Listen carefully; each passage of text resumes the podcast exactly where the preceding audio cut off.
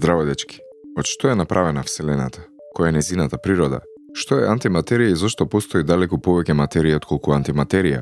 Која е улогата на гравитацијата?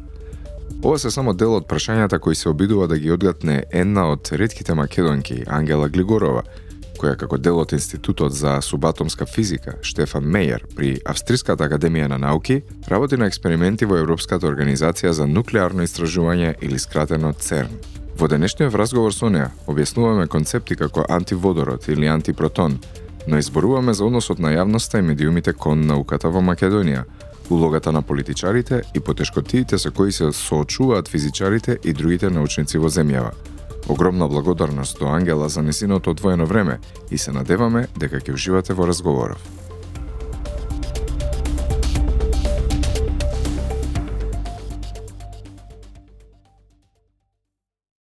Здраво, здраво, здраво Ангела и фала што одвои време да се приклучиш кон подкастот Наука за сите.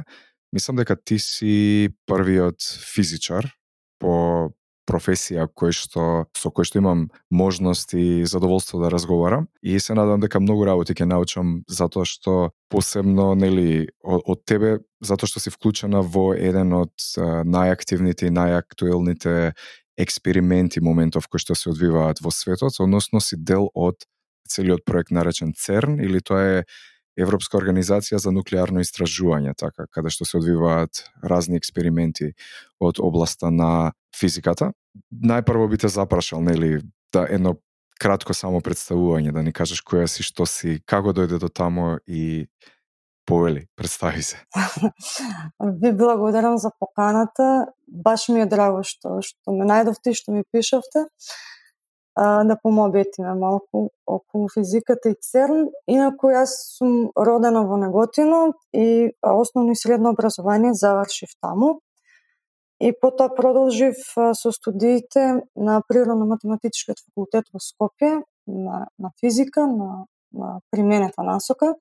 И таму завршив, дипломирав во 2003 тоест не се запишав 2003 дипломирав во 2007 Потоа се запишав и на магистерски студии, исто на ПМФ, на насока сончева енергија и бев таму некои уште две, две и пол години по дипломирањето како магистрант, исто држав и некои вежби на студенти па, од медицина, од шумарски факултет и по магистрирањето конкурирав на еден конкурс кој беше распишан од ЦЕРН, од некакво партнерство помеѓу ЦЕРН и УНЕСКО. Значи, тој конкурс беше за 6 месечен престој во ЦЕРН на млади научници од Југоисточна Европа. -hmm, нешто како интершип или како... Да, да. И беше онака стипендија за 6 месеци и аплицирав на тоа со мислете и ја добив нели таа стипендија и заминав таму во јули 2010 година. Прв пат отидов во ЦЕРН на тој 6 месечен престој. И отидов со помислата, мислам, бев сигурно возбудена и, и, и многу среќна ете што ќе појдам, но отидов со помислата дека нели ќе пројдат тие шест месеци, а, како што реков беше тоа јули, негде пред нова година ќе се врата назад и тоа ќе биде моето искуство со цел. И потоа работите се случија некако поинаку. Значи, веднаш кога појдов таму, ме распределија на тој експеримент на ЕГИС, значи експеримент кој има за цел да го измери антигравитационото забрзување за, за тоест гравитационото забрзување за антиводородот. И а, после тие 6 месеци, на почетокот работев таму на дизајн на детектор за, за снопови од антипротони. И по истекот на тие 6 месеци, тие ми предложи ако сакам да останам уште 6 месеци, да ми го продолжат договорот и секако дека, дека сакав и прифатив. И потоа ја сретнав таму мојата една менторка, всушност на, на докторските студии, која беше дел од истиот експеримент. И така се случи натаму да останам и од, од текот на моите докторски студии. Така, значи, твоја, твоја приказна типично директно од а, нашиот образовен систем, значи од ПМФ, не студираше некаде предходно на страна, така? Не. Директно да, имаше можност да продолжиш а, преку интершипот во ЦЕРН, се запозна со твојата менторка рече и сега си дел од Стефан Мейер институтот за субатомска физика, така? Или? Така да. Тоа е, Да, тоа е дел да. од австријска, како што проверив на интернет, Австријска академија на науки. Да, да. По завршувањето на докторските студии, останав уште една година во ЦЕРН како постдокторски истражувач и потоа аплицирав за стипендијата Марија Кири. Тоа е стипендија што доделува Европската комисија при Европската унија и за за да аплицираш прво за таа стипендија мора да имаш host institution или или некој научен институт кој што би те вработил доколку ја добиеш стипендијата и со кој ќе го работите заедно проектот со таа со Да, ова е значи битна информација и за многу идни истражувачи од Македонија кои што би биле заинтересирани за таа стипендија. Значи прво мора да обезбедиш некаква институција која што би гарантирала твое продолжување тамо твое вработување и тоа е еден од критериумите или условите за за добивање на таа стипендија. Да, да, да. Мислам, се аплицира со проект, така да нај, најголемиот критериум е оценувањето на проектот, нели тие го оценуваат твојот проект, но за да аплицираш мора да те поддржи некоја институција и значи државјанството не е битно, може да аплицирате државјанин на Република Македонија, меѓутоа институтот мора да биде во во Европската унија некаде. Мгм, јасно, јасно, јасно. Но но не не мора ти како како да си дел од Европска унија по националност Не, за да добиеш таа стипендија. Имаш информации не, колку мине ја добива таа стипендија на годишно ниво кај нас или? А, мис... Во Македонија Да, или да, мислите да, да. воопшто? Не знам, не, ја, не сум чула јас, мислам, барем во, во, фи, во областа на физиката не сум чула некој друг да ја добил. Може би има, не, не, ви- не ви велам дека не.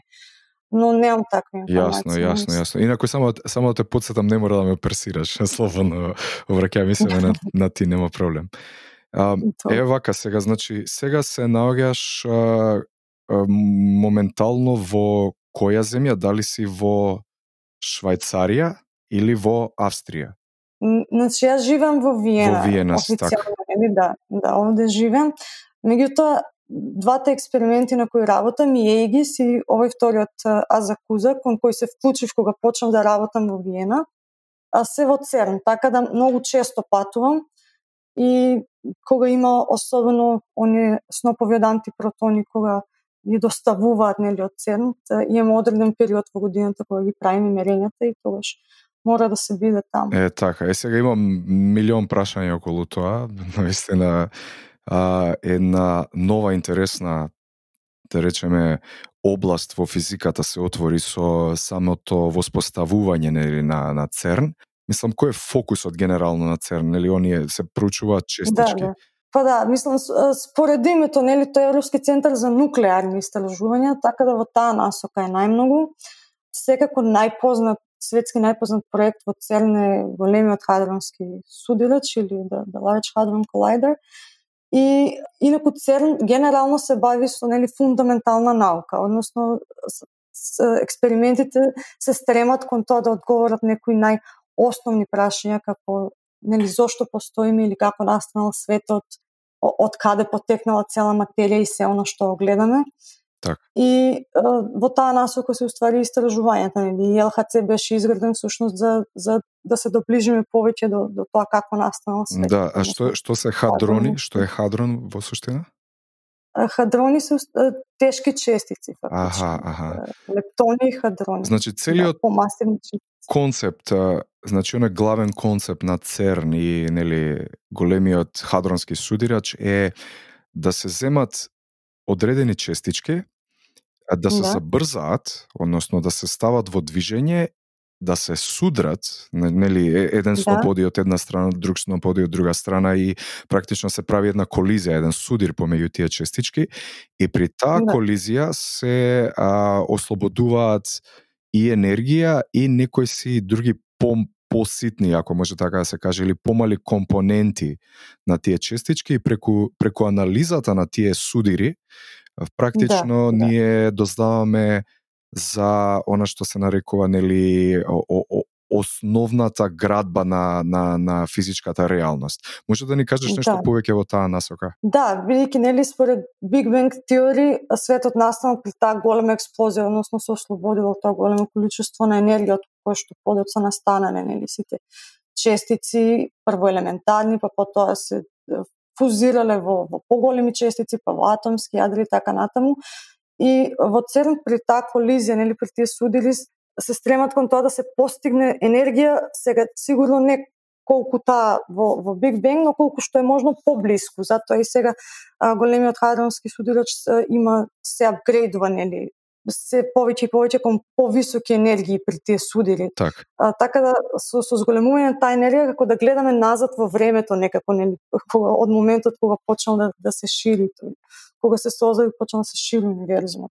Тоа е нели што се однесува до до Large Hadron Collider, додека експериментите на кои работам јас се, се сосема поразлични. Mm -hmm. ние таму ја забаву, ги забавуваме частиците, ги ладиме, да речеме, или им ја намалуваме енергијата. Mm -hmm. И всушност стана збор за, за поразлични истражувања. Така, значи, практично, вие, вие не користи, користите апаратурата на големиот хадронски судирач, туку си имате некој собствен рик, така се нарекува, нели, некој си под систем кој што го користите специфично за прашањата кои ги адресирате во експериментите, така? Да, да, значи како што реков, Large Hadron Collider е најпознат, меѓутоа ние имаме така едно чоше во ЦЕРН, да речем, со така наречениот антипротон accelerator или забавувач на антипротони, во кои што се произведуваат антипротони, потоа тие се забавуваат, значи им се намалува нивната енергија. Добро, значи моето следно прашање е станува збор, значи еден од клучните зборови во во вашите експерименти е антиматерија. Што е антиматерија? И во што се разликува од она што го познаваме како материја или или што воопшто представува материјата според нели дефиницијата на физиката? Да. Значи, знаеме ние генерално дека нели самите ние се што не обкружува на, на земјата и сите галаксии и, и небесни тела кои што ги гледаме со астрономски истражувања, дека се изградени од материја, односно нели ако одиме се а, по подалеку и подалеку во, во, во поделбата на частиците, ќе дојдеме до тоа дека нели се изградено од атоми кои подоцна се изградени од јадро и електрони, а јадрото од протони и неутрони кои пак се изградени од кваркови. И а, тие се главните или елементарни честици од кои што се состои материјата. Која е најмалата Сега, анти... честичка, извини што те прекинувам, која е најмалата честичка? Кваркот. Значи не може понатака да, се раз, раздели на на помали единици кваркот? Па не, не. Кваркот е нај, најмала позната елементарна честичка, од која што се состојат тие нуклеони, нели, протоните и неутроните. Тоа се тие се изградени од кваркови, атомското јадро пак понатаму е изградено од протони, неутрони и електрони. Е, сега, антиматеријата од своја страна пак е, е изградена, можеме да ја замислиме всушност како материја која што е изградена од честици со иста маса, меѓутоа с противен електричен полнеж. Така, например, ако протонот е позитивен, антипротонот е негативен. Значи има иста маса како и протонот, меѓутоа е негативно наелектризиран. И исто како и со електронот. Електронот е негативно наелектризиран, неговата античестица или позитронот е позитивно наелектризиран. Што значи дека да речеме едно атомот на антиводородот би бил изграден од позитрон и антипротон. антипротон. Така. Зашто позитронот не се вика анти, антиелектрон? па така е историски така му дали. да, вака кога човек ги чита први, првично или работите малку делува конфузно поради таа терминологија, барем за мене, ама окей, ги сам скапирав. Инаку водородот е најосновниот елемент така во а, да, системот да. на, на, на, во периодниот, на, во периодниот систем, систем така, кој што да. се состои од еден електрон и еден протон. И да. затоа тие негови особености практично се бидејќи е наједноставен нели елемент, практично е наједноставен најдобар кандидат за истражување и за создавање на антиводород, односно на антиматерија, токму затоа што е наједноставен по, по конструкција, така? И затоа Така, предпоставам да, и затоа да. го имате избрано како модел во во во вашата работа. Да, да. Прво, затоа што и водородот, нели, како атом, сите мерења, многу има, постојат многу спектроскопски мерења, значи, сите тие фреквенции на премини во, во водородот како таков се измерени до голема точност. А потоа бидејќи да, ние антиматеријата ја синтетизираме во лабораторија, значи таа не е достапна. Не можеме да ја најдеме природен некаде. пат, така. Ан- Мгм. Да, да, да. Ние мора антиводород да го направиме. Значи во експериментот ние прво го создаваме антиводород, па потоа ги истражуваме неговите својства. И за сега тој е единствениот антиатом кој што е синтетизиран во лабораторија. Мгм. Значи вие вие сте произведувачи на антиматерија. Да, да. Многу интересно. Е сега една работа кога ми ги испрати трудовите, ги разгледав, се обидов да разберам што е можда повеќе. Една работа која што едно прашање кое што ми излезе во глава е како некој проучува антиматерија со алатки направени од материја. Кога знаеме дека нели а, кога антиматерија и материја доаѓаат во одреден во контакт една со друга, тие тежнат да се анихилираат. Анихилираат, да, да. Па, па затоа и нашите експерименти се, се доста тешки, нели, за, за реализација. Второ, нели, немаме ни апаратура на, направена од антиматерија. Меѓутоа, сите тие експерименти се, се прават во висок вакуум. Значи, мора да, да, ги, да се евакуираат тие цевки во кои што се синтетизира нели, антиводородот, да, да со, во висок вакуум, така што да, да се остават што е можно помалку честици нели внатре со кои антиводородот би се Честички на материја, така? Да, да, на воздух да речеме, да, да. Да. Тоа се тоа се оние замки кои што се спомнуваат во вашите трудови? Кои што се дизајнираат, Да, да. а, се специјално дизајнирани, кои што се евакуирани од материја, од било какви Да, честички, нели, да. еве како што велиш на воздух, со цел да да направат една средина каде што до некој степен во одредено нели со одредено ограничување во време антиматеријата може да се задржи доволно долго за да вие можете да ја проучувате, така? Така, да. да. Е ко, кој кој кој колку долго а, може да обстои антиматеријата пред нели да исчезне, пред да се анихилира? Да, значи за, за честици, например, како што се антипротонот, спрема а, CPT теоремата, да речеме, нели, а, која што се однесува на а, charge parity и time conjugation, протонот би, како, антипротонот како и протонот би требало да живее неограничено долго. И меѓутоа во, во нашите експерименти тоа зависи најмногу од тоа колку е добар вакуумот, нели, до, до кој степен може да се евакуира частиците од од тие стапици, да речеме. Така да а, имавме ние експеримент пред две години каде што луѓето успеа да еден од експериментите успеа да ги задржи антипротоните а, цела година, мислам, дека повеќе од 365 дена, Цела да, да, година? они- Мислам, цела Кога ќе да. размисли човек на субатомско ниво, мислам на тие временски рамки кои што се однесуваат на субатомско време, мислам година дена е цела вечност. Но ист, Да, да, наистина, вау. Вау, И- Им славеа и роден ден, да, да. вау, браво, браво, неверојатно. И а, дали дали ги истражувате частичките на антиматеријата по истиот принцип како и големиот хадронски судирач, преку судирање на истите или? Не, не. Да, значи, тоа е исто еден различен аспект спрема тоа како се прават истражувањата во ЛХЦ, бидејќи ние се трудиме да измериме некои нивни својства. Значи, например, антиводородот, од кога ќе се синтетизира, истражувањата кои се прават, например, се а, може да биде спектроскопски истражувања, да речеме а, да се истража дали премините а, на електроните се исти или фреквенциите, ако сакат, се исти како ние во, во водородот. Значи, од кој ќе се создаде антиводородот, а, се внесува ласерска светлина внатре во стапицата и се пробува да се екситираат тие премини во антиводородот и да, да се измерат. возбудат на некој начин, да се ак- Да се активираат. возбудат, да. Така, да, така, да, така, атоми, така. да, баш така. Мгм. И да се измерат тие фреквенции на премини. Или пак е, е, ЕГИС, мојот експеримент, еден од моите експерименти, има за цел да, да го измери, да измери гравитацијата, односно како гравитацијата влие на антиводород. Значи ние создаваме антиводород, го забрзуваме и потоа го оставаме да паѓа, нели, слободно во, во гравитационото поле на, на земјата. земјата така.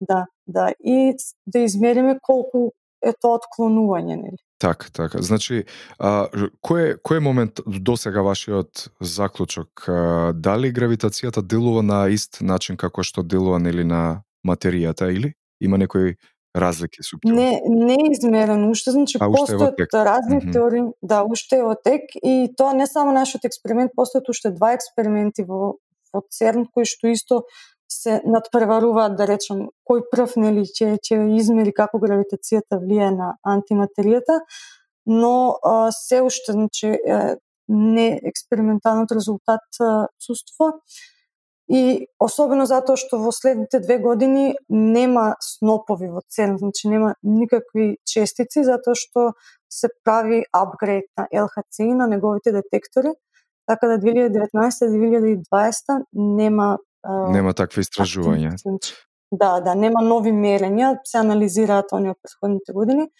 и 2021 ќе имаме повторно снопови од разни честици, па и антипротони и очекуваме и се надеваме нели дека за год, за 2-3 години ќе ќе дојдеме до, до резултат. Така, така. Баш во, со нетрпение ве очекуваме да дознаеме како делува гравитацијата на антиматеријата. Е сега во однос на анализата на податоци, предпоставам дека вашите експерименти создаваат огромен број на податоци, се работи себек за честички.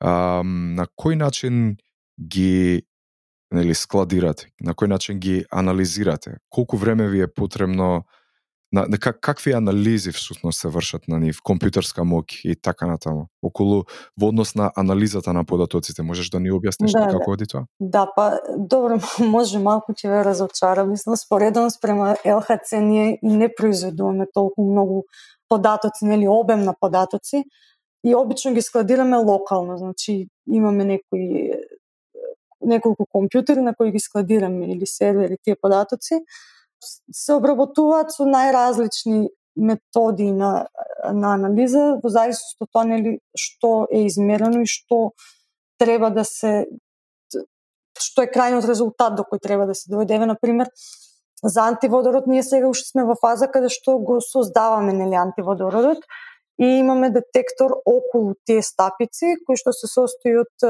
сцинтилатори и кога антиводородот од кој ќе се создаде, тој е нели електрично неутрален и не, не, е, не е повеќе заробен во тие стапици како што се антипротоните, така да си патува до, до да речеме до тие стапици и се анихилира на, на самата електрода таму. И потоа создава некаков сигнал, нели 3 до 4 честици да речеме од таа анихилација стигаат до тие сцинтилатори кои што се наоѓаат околу стапицата. Тие частички се частички на антиматерија?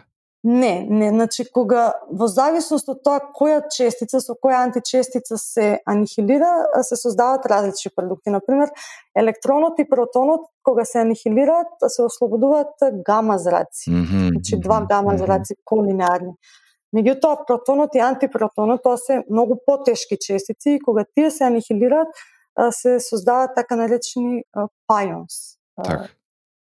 честици. Mm -hmm, mm -hmm. Но тоа се да честици на, на материја. Значи, е, според врз основа на, на, на доказите, на индиректните показатели, всушност ние сме, да, вие сте да. способни да. да ги измерите особеностите на антиматеријата. Тоа е како како ние вие сте еден вид на нуклеарни форензичари на некој начин ги ги гледате онака доказите од како нешто ќе се случи после тоа. Индиректно, да, да, значи го, го, го мерите овој феномен. Да, да, баш така. Методите во најголем дел се деструктивни, односно нели мора да го уништиме на некој начин или да го анихилираме антиводородот, па потоа да, да видиме каде и како. Mm -hmm. Кажи ми, антиводородот се пие или не се пие?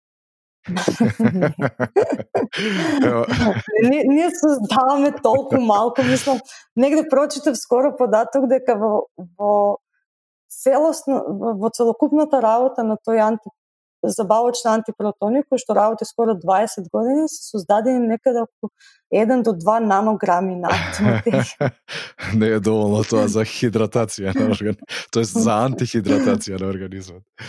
Да, така да тоа се многу многу мали Така, така. Е сега кажи ми од каде постои толкава дискрепанца нели во вселената? Зошто има толку материја, а зошто толку малку антиматерија? Да, уствари тоа е и прашање, тоа е главното прашање зошто нели ги правиме ние сите овие истражувања и исто едно од отворените прашања во модерната физика. Значи, не знаеме, се уште не знаеме зошто а, постои толку многу материја и каде отишла целата а, антиматерија, кога нели знаеме или да речеме се предпоставува дека дека за време на таа голема експлозија се создале еднакви количества на материја и антиматерија. Е сега постојат некои теории, на пример има според та CPT теорема или а, симетрија. А, знаете кога CPT симетрија си се однесува нели на, на charge conjugation или кога честицата се заменува со античестица кои се однесува на parity или трансформација во простор и а, те на, на time, значи во која насока тече времето. И сега, а, според CPT теоремата, сите физички закони а, се инвариантни кога сите овие три би се аплицирали на частицата, нели, кога частицата би се заменила со античестица, кога незините координати би се би се замениле со спортивните и кога времето би чово спроти спротивна насока. И сите физички закони, значи кои ни се познати, се непроменливи во однос на, на, на таа трансформација. Меѓутоа, да речем, некаде да во 1950 година се постави теоретски некакви услови кои би требало да бидат исполнети за да материјата нели преовлада, односно за да имаме ситуацијата која што имаме денес. И еден од тие услови бил всушност да постојање на, на, на CP violation или да речеме различно однесување во однос на таа на, на частиците и античестиците во, во некакви во некои услови. И сега таа CP violation е, мислам, направени се некои наблюдувања и откриена покасно, но но не до тој степен да да може да објасни да ја објасни таа голема дискрепанца која што ја гледаме денес во однос на материја и антиматерија. Mm -hmm. на, на, тешко прашање, нели? Да, да, така да не е јасно, мислам, тоа е и, и главниот мотив зашто се прават овие истражувања. Јасно, јасно. А кажи ми како некој воопшто доаѓа до идејата за антиматерија? Ако антиматеријата е толку оскудна во вселената, ако која еве ќе ја синтетизираш, ако толку кратко трае и е неодржлива, како некој воопшто доаѓа до тој концепт? Како е откриен овој концепт на антиматерија? Да, па првото Прво, таа откриена теоретски во од страна на Дирак. Пол Дирак. 1927. Да. беше британски да. нуклеарен физичар. Да, да. И тој а, значи, во брановата равенка за електронот е првиот кој што ја инкорпорира и специјалната теорија на релативност. Значи ги комбинира Шредингерова равенка и специјална теорија на релативност. И при решавањето на таа Шродингерова равенка добива а, решенија кои што, значи едните решенија ги добива за електронот, меѓутоа добива и две решенија со да речеме негативна енергија, кои што не не им било јасно тогаш на времето, нели што што значи тоа? Да, да. Што да. значат ти плюс две решенија кои што ги добива? Тоа е нешто како нели и... квадратен корен. Бројот 4 да, може да, да се да. добие од така, 2 на да. квадрат и минус 2 на квадрат. Значи и двете решенија даваат ист одговор? Исто, так, так. да, да. И сметале прво дека тоа, дека другите решенија немаат физичко значење. Меѓутоа подоцна неколку години подоцна 32 мислам дека а, се е откриен позитронот и тоа примерење на космички зраци, значи во, во при детекција на космички зраци е откриен позитронот и тогаш му е дадено уствари тоа има антиелектрон, не антиелектрон, позитрон, бидејќи позитивен, а има иста маса со електроноти, од тука доаѓа уствари целата идеја дека секоја честица може да има своја античестица и така подоцна антипротонот и антинеутронот се откриени во во така наречениот Беватрон во, во Соединетите Американски држави во 50-тите години. на минатиот век. Зошто е потребно да се забават тие честички во вашите експерименти за да купите повеќе време? И ако е тоа одговорот на кој начин успевате да ги да ги забавите тие честички, односно со со како како вид на брзина се движат? Со дали дали тие атоми се движат со некоја брзина на светлината или приближно на светлината, па или и мислам направи ме на слика затоа што малку ми е така сакам да го визуализирам тој процес. Да, да. Значи ги ги забавуваме пред се затоа што кога се бавни се се манипулираат подобро нели честиците кога се еве да почнеме да го објаснам целиот процес на пример на создавање на антипротони во анти Протонскиот декцелератор прво се започнува со високоенергетски протони. Значи антипротоните ги добиваме на тој начин што високоенергетски протони се судираат со некаков метал на пример мета од бакар. И при, при, при тој судир на, на високоенергетски протони со некаква веројатност од да речеме, не знам, 10 на минус четврт или некако така, се создава еден од таа енергија се создава еден пар на протон и антипротон. 10 на минус четврта е 0,301, така му доаѓа? Да, да. Тоа уствари значи дека за, за да добиете еден антипротон треба да судрите 10.000 протони. Протони. Веројатноста се добие еден да. од 10.000 да. е таа. Ете така. така. Mm -hmm, да, mm -hmm. да. Значи на 10.000 еден ќе добиете, на 10.000 судрени протони би добиле еден антипротон. Так, так. И тие кога се создаваат се се движат со голема брзина, блиска дури до онаа на светлината, тие протони кога се тие антипротони, пардон, кога се создаваат. И потоа за да за да се манипулираат уште повеќе нели за да се направи антиводород, бидејќи за да се создаде антиводород, тоа значи дека антипротонот треба некако нели да се да се фузира со позитронот, нели така, да, да се судрат тие некако па да се слепат, нели, ако може е така да кажем. И сега таа веројатност да се судри антипротонот со електронот секако дека е поголема кога и двете честици се побавни, нели, кога се движат некако бавно.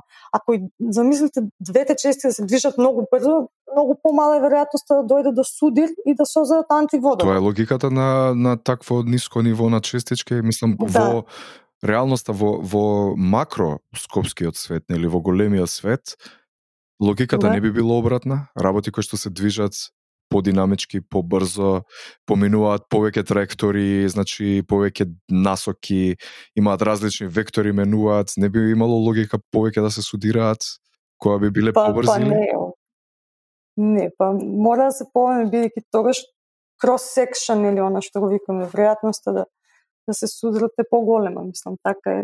Mm -hmm. Така е во микросвет. Така е во микросвет, да. Значи некои работи не функционираат онака интуитивно како што би биле на макроскопски свет гледано. Да, да. Исто и за да ги заробиме, мислам, ако се движат со таа голема брзина, пошто ние ги заробуваме во електрични стапици. Значи, наједноставно прикажано, тоа е некој цилиндар, да речеме, замислите празен цилиндар и кој што има повеќе електроди, значи тоа се како прстени наредени една до друга.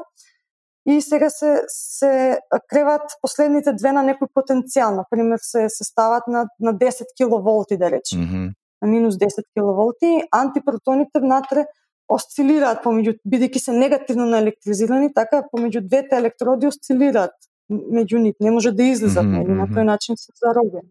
Е сега тие 10 киловолти енергијата нели ние изразуваме да речеме во килоелектронволти, тоа се тоа е, е, е кој што може да се претвори во джули нели општо познатата, меѓутоа мора да има ниска енергија бидејќи ако е многу голема треба да да ги кренеме тие електрони на многу високи потенцијали, да речеме на на 1000 киловолти и тоа е секако технички многу посложено.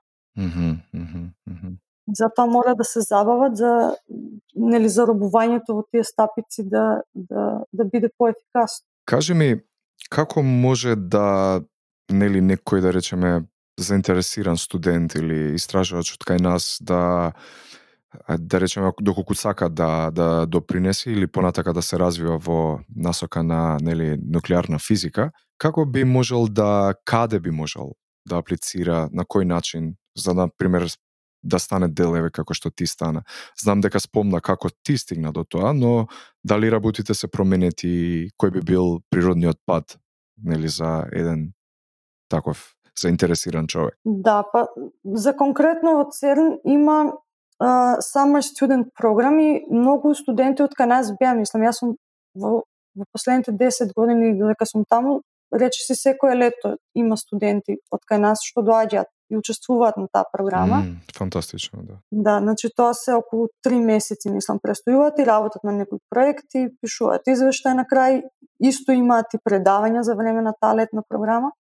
И тоа е отворено не само за физичари, туку за разни студенти од техничките науки, за информатичари, дури за студенти на машински, на електро и така натаму. Така, да, бидејќи инволвира разни дисциплини од компјутерски Да, науки до нели инженерство и и така натаму. Баш така, да, да, баш конкретно на овие огласи за ваквите летни школи се објавуваат на ЦЕРН, на вебсајтот нивни? Да, да, на веб страната на ЦЕРН. Да, секоја година ги објавуваат. Сега не сум сигурна каква е постапката, бидејќи се менуваше некои години студентите аплицира прво локално кај нас, дали во министерство или некако така, па имаше некоја како нели интерна селекција, а мислам дека некој од нив аплицира и директно, бидејќи се онлайн иде цело аплицирање, така да може да следат само кога се објавува конкурсот за таа програма и, и да, да пратат документи и да се аплицира. Јасно, јасно, да. Инаку ЦЕРН е научна институција, не, не, не образовна. Не може, например, да, да запишеш докторски во ЦЕРН, мора да запишеш на некој универзитет, потоа да ги работиш истражувањата во ЦЕРН. А, така да за, за магистерски, за докторски, а, мора да, да си најдат некоја група нели која што е поврзана или работи на некој Да, со образовна институција, да. така. Да, да, да, преку образовна институција. Кажи ми, колкав број на... Слушав некоја информација дека околу 10.000 луѓе се вклучени во да. ЦЕРН, во, нели, вклучително од физичари до одржувачи на системот, до теоретичари, до се и се што. Дали е тоа навистина така и кажи ми како тече едно секојдневие тамо, мислам, освен тоа што нели киснете во лабораторија долу со со сати, часови и така натаму, што се случува вон тоа, мислам, кој како е каков е социјалниот живот и социјалната средина во во ЦЕРН? Па да, како ЦЕРН некако така едно мало градче или, или поголемо село, да речеме. И на вистина има околу 10.000 луѓе, меѓутоа мислам дека само околу 2000 или 2500 се директно вработени во ЦЕРН. Останатите се докторанти, постдокторанти, истражувачи од разни универзитети кои доаѓаат на престој на месец, на неколку месеци, на неколку години, зависи. Значи само околу 2000 се оние стални, нели да речеме, или, или permanent staff во ЦЕРН, а другите 8000 се луѓе кои постојано се менуваат. Mm -hmm, mm -hmm. И и поради тоа е тешко да ако си подолго време таму, например, да, да се дружиш со истите луѓе за време на неколку години, тоа е тоа обично многу тешко, затоа што луѓе доаѓаат, после година две си идат, па доаѓаат нови, така некако тоа цело време се менува. Mm -hmm. Инаку, а, околу социјалниот живот, па знам дека има разни клубови, например има Music Club, кај што има да си прават некои бендови физичарите, односно научниците. А, антибендови, да. Во вашиот случај. Со некои со антигитари. Интересни. да, да. да, да, да, скрос, скрос јако. Да, да, знам кога Тоа е најверојатно како да живееш во некој голем град каде што нели среќаваш многу разни луѓе и, и средината често се менува социјална во суштина. Знам, познат, познат да, ми тој, да. тој феномен. Кажи ми во однос на физиката во Македонија која би направила еден overview, еден так, една проценка, значи од еве ти како професионален физичар, како би оценила состојбава, значи што дали нешто воопшто се работи кај нас, освен, нели, не станува, не, не, не мислам на она образовна програма, туку дали воопшто се на, работи нешто во насока на истражување и ако да, каже ми, нели, што, ако не, која е твојата идеја, онака, генерална, како би можело нешто да се развие кај нас на ова тло, што би, како би можеле ние да придонесеме како земја во однос на нели, нуклеарната физика или физиката воопшто? Да. Па, еве конкретно за физика, мислам, јас сега многу години не сум веќе нели дел од, од научните истражувања овде, но од контакти со колеги се работат, мислам, знам дека се работат, меѓутоа претежно тоа се теоретски нели истражувања, оние кои што се објавуваат во списанија со импакт фактор. Има нешто и од и од експериментална физика, меѓутоа обично или се поврзуваат со некои експерименти во соседните земји или некако така тоа иде.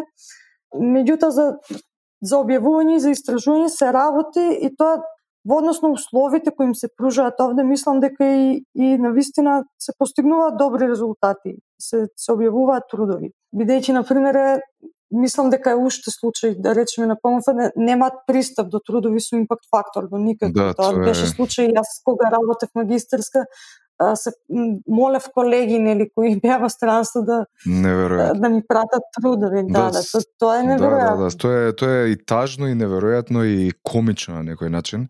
За среќа да, да, да, и... во моментот нели постои оној Sea Hub, оној проект на рускиот една, мислам дека беше Александра, како се презиваше, невронаучник е таа, и преку некоја мрежа на проксиња и така натаму успеа да создаде да го создаде SciHub, тоа е вебсайт каде што преку дој бројот или преку линкот на трудот нели може да да се обезбеди пристап, што на некој начин некој тоа го смета за пиратерија, но оние кои што се залагаат за отворена наука од друга страна велат пак тоа е нели наука и научното знање истражување се финансира од јавни пари и воопшто тоа би требало да биде и јавно знаење да, во исто време да, да. некои го оправдуваат и јас повеќе тежнам кон тоа така што yes. мислам дека луѓето денеска кај нас и по институцииве не би требале нели толку да го земаат тоа како изговор и напротив треба нели да го искористат моментот и што повеќе да пристапуваат, но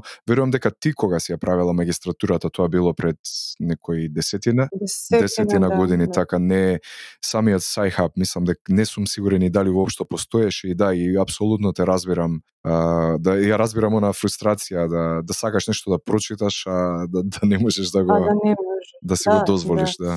Или за конференции исто, мислам си од собствени средства луѓе плаќаат да идат на конференции за котизации и слично, мислам тоа е не, незамисливо за мене. Да, тоа поразителни се бројките јас пред да ред, мислам дека година дена така ги гледав статистиките за колку тоа земјава одвојува за образование, не, извини, за истражување и развој, така се векува, на R&D, Research and Development. Да, да. Мислам дека просечниот процент на ниво на Европска Унија е 2% од буџетот, од GDP-то. Да, од GDP.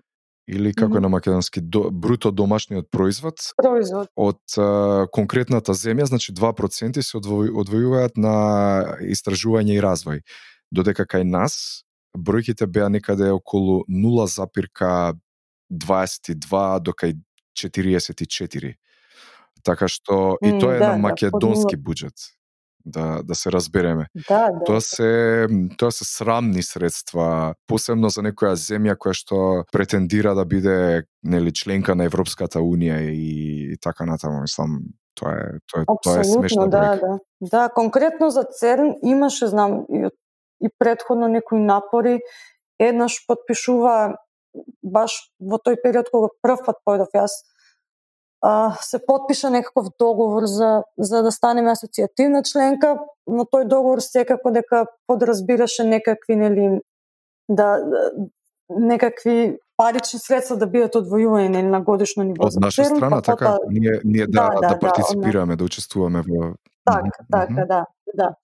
И тоа не знам, може да првата година некако пројде, меѓутоа после тоа а, не не извојуваше државата средства и, и го прекина тој договор некако нели со самото тоа што не не извојувавме средства се по автоматизам некако престанавме нели да Е па статусот кој го имавме го изгубивме. Ако не плаќаш да. членарина во библиотека, ќе те избркаат нормално. Јасно, многу јасно, да, да. И сега пак а, има некои обиди знам дека пак на приближување на Македонија со Церни и пак сега пак ќе се враќаме нели на почеток, пак ќе подпишуваме да станеме асоцијативна членка.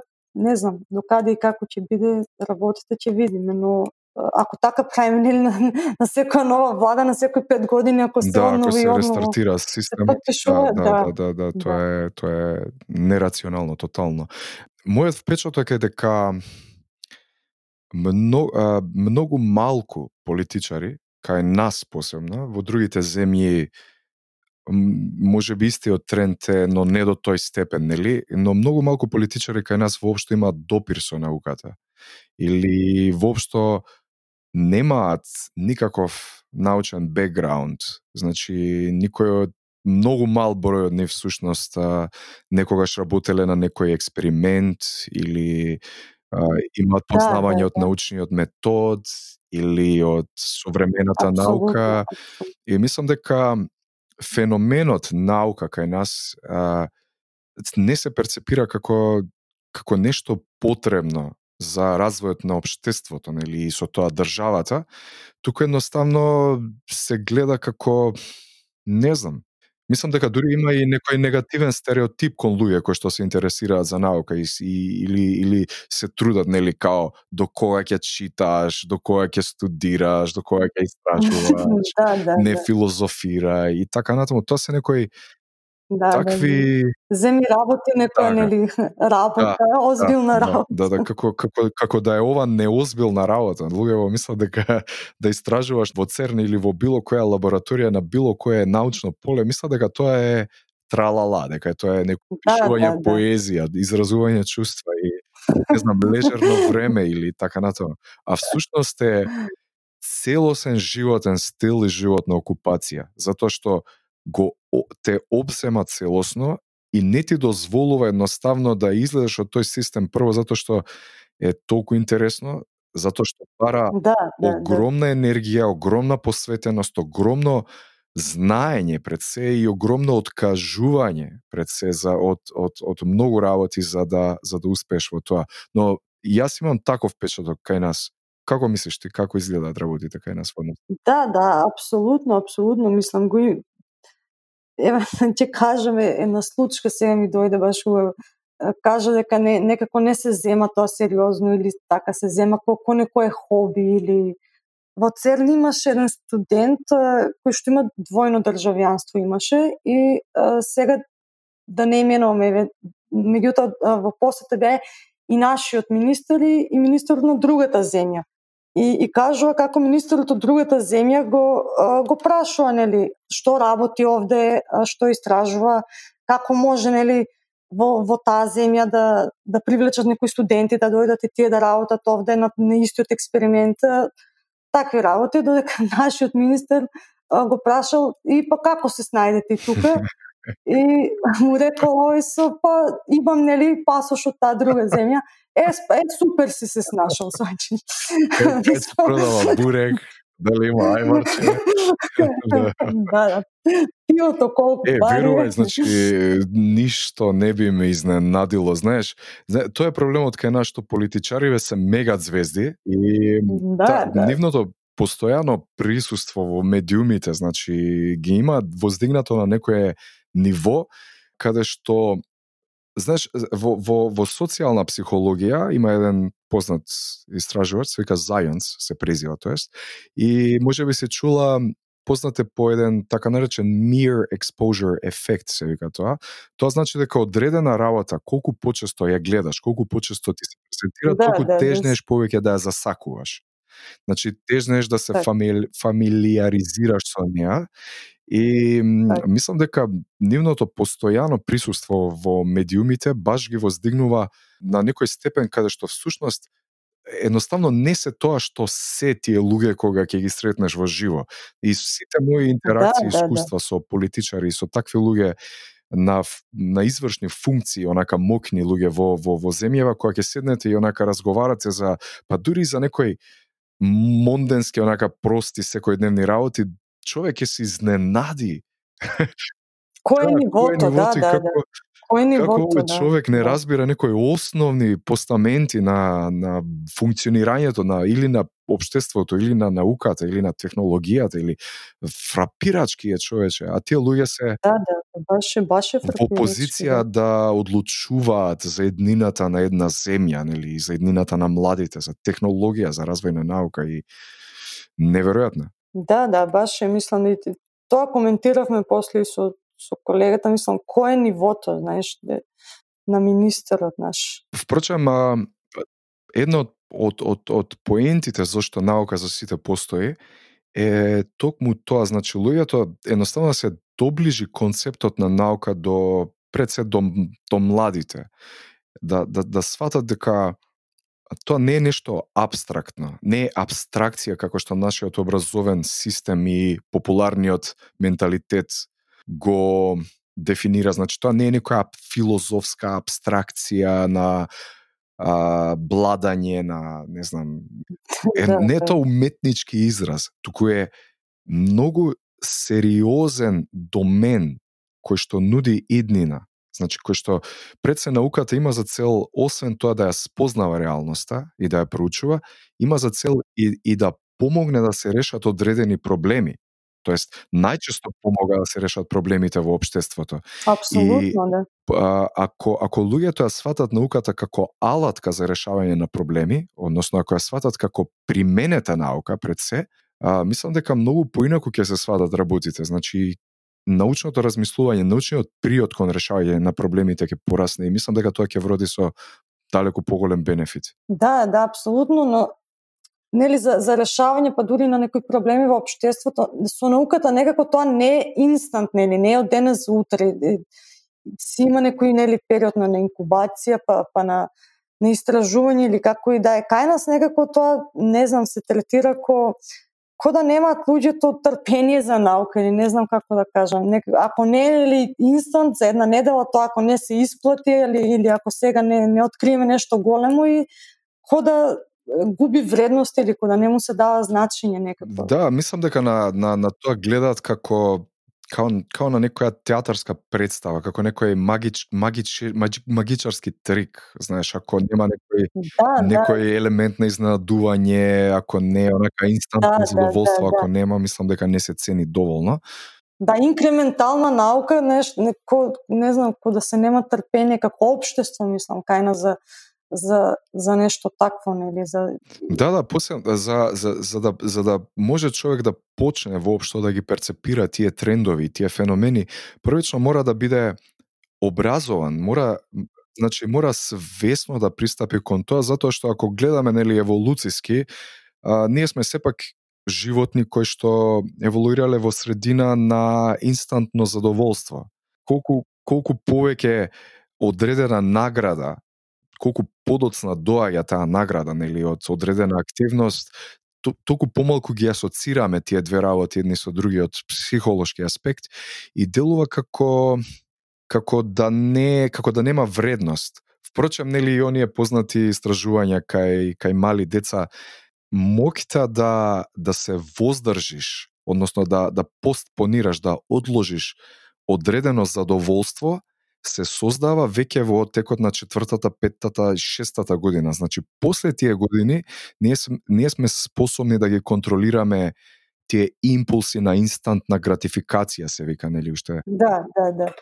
И а, предпоставувам дека тоа е посебна состојба на, на, на матурација на мозокот, што за жал кај нас многумина се уште се однесуваат инфантилно и не размислуваат подалеку во иднината и за сите нели вредности кои што може да се создаваат по овој пат. Да, да, да. Некако така се, се оди на, на, на тоа инстант, на или што викаш ко нешто магично да се појави да ре, да се реши сега така наедно што и Да, не, знаеш како како луѓето да се научени а, се да им биде изџвакано во некоја си забавна форма. не да, да, плюс и тоа, да да. има некоја си таква некоја, знаеш, кога, имаш некоја е, е, емисија од типот на, не знам, некоја музичко забавна емисија со некој си фенси, не знам, гости, глупости, шминки, од типот на големиот брат, нели, и нешто тој стил. Мм, тој да. тој им го задржува вниманието на луѓето, нели се се прават глупости, зезанци, светлечко е све,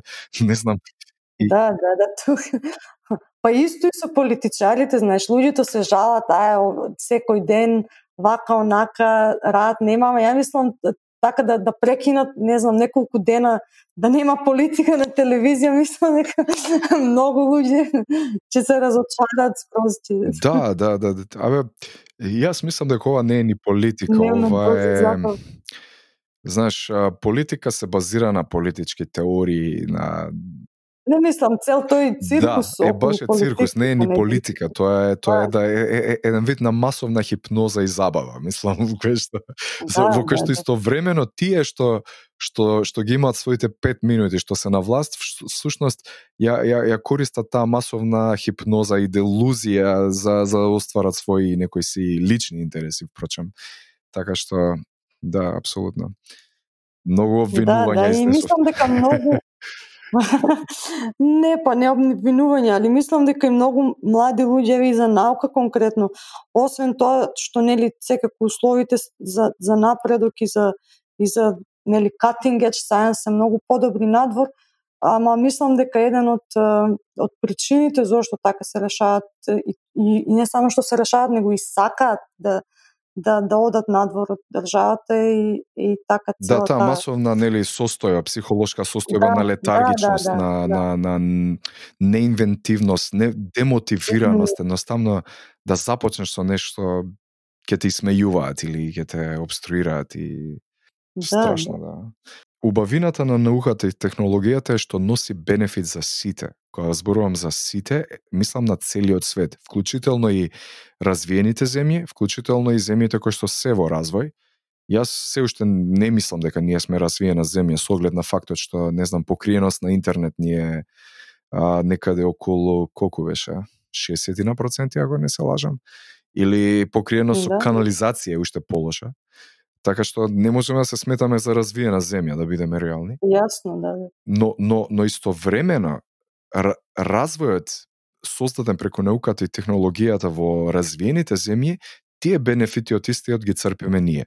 Денеска на пример имаш бесплатни алатки за се и се што е, да речеме од компјутерски аспект, Да, нели да. софтвери за за експериментирање, за за анализа. Значи денеска денеска секој може да си има своја собствена лабораторија во својата спална соба или детска соба.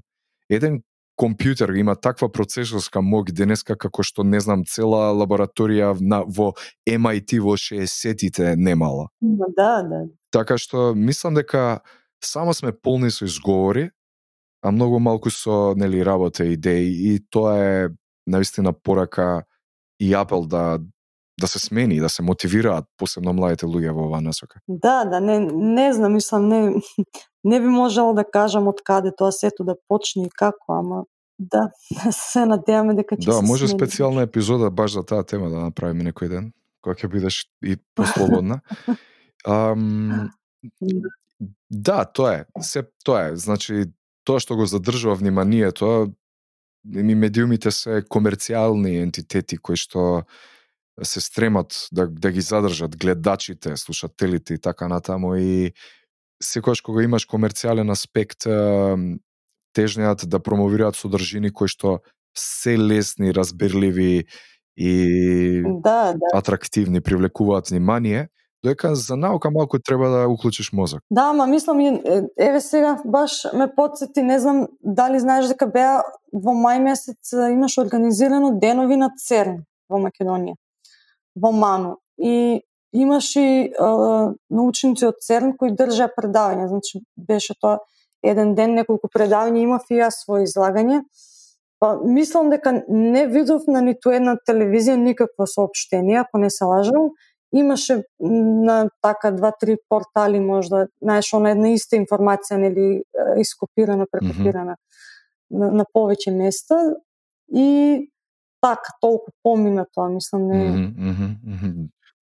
не беше покриено некако. Да, да, да. А имавме имаше баш научници што што држа предавања за тоа што се работи Да, онака реном, реном, И- реномирани имиња кои што се вклучени Да, во cutting да, edge да. science, она во најактивната Да, наука да. што се ш- Знаеш, мислам дека а, во голем дел од новинарите и медиумите постои не, неспособност да се препознае вредноста на ваквите настани. Еве конкретно земи го на пример наука за сите, овој вебсајт што го што го водиме. Постои од Да. 2015 година и еве до ден денес со некои така спорадични стати мислам дека имаше на факултети еднаш пишуваа за нас на црно-бело на Офнет, значи така спорадично еднаш два пати годишно ако нешто се случи, значи досега еве никој мене како како главен и одговорен уредник да речеме на на вебсајтов и на подкастов, никој ме нема исконтактирано да рече од медиумиве, зна дечки, што е иницијатива, што се случува, единствена иницијатива Да, во да. Македонија од ваков тип, мислам и никој да не покаже интерес и поддршка за за ова е, не знам, фрапирачки. Мислам дека Мислиш дека и, и самиве професори и научници во Македонија се сносат до некој начин одговорност што не се ете експонирани толку во јавност или што едноставно не Па не знам, искрено не мислам дека баш конкретно до нив.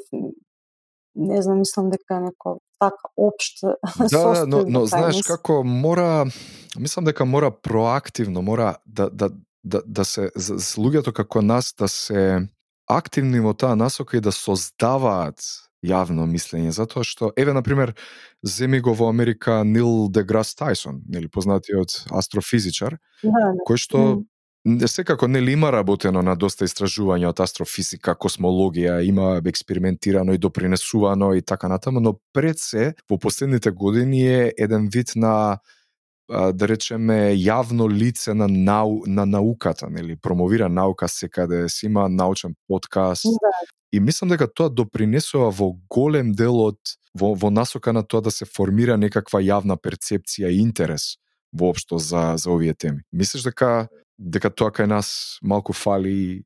Па, може би фали, ама од друга страна, нели, додека активно се занимаваш со наука, па и нели времето се нема баш толку време и не можеш толку нели како да кажам страствено да се посветиш на на аутрич да речем или да да, да стигнеш ете до да споделиш информација или или да да збориш за наука на по, по медиуми и така натаму.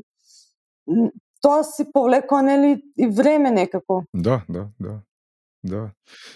Така да не Да, јасно, јасно. Добро, еве се надевам дека ние некако придонесуваме колку толку за ете да се отварат овие ако не прашања и теми. Знаеш, а, има една народна, сигурно ти е позната, нели, бебе ако не плаче не дојува. да, да, да. така што мора Јасно, да да, поплаче бебето малку. да, ама и научниците некако не мислам не немат многу мака ради тоа што не добиваат внимание, нели? Као научници повеќе општеството страда заради тоа што нели луѓе не се толку запознаени или не не упатени додека да научници.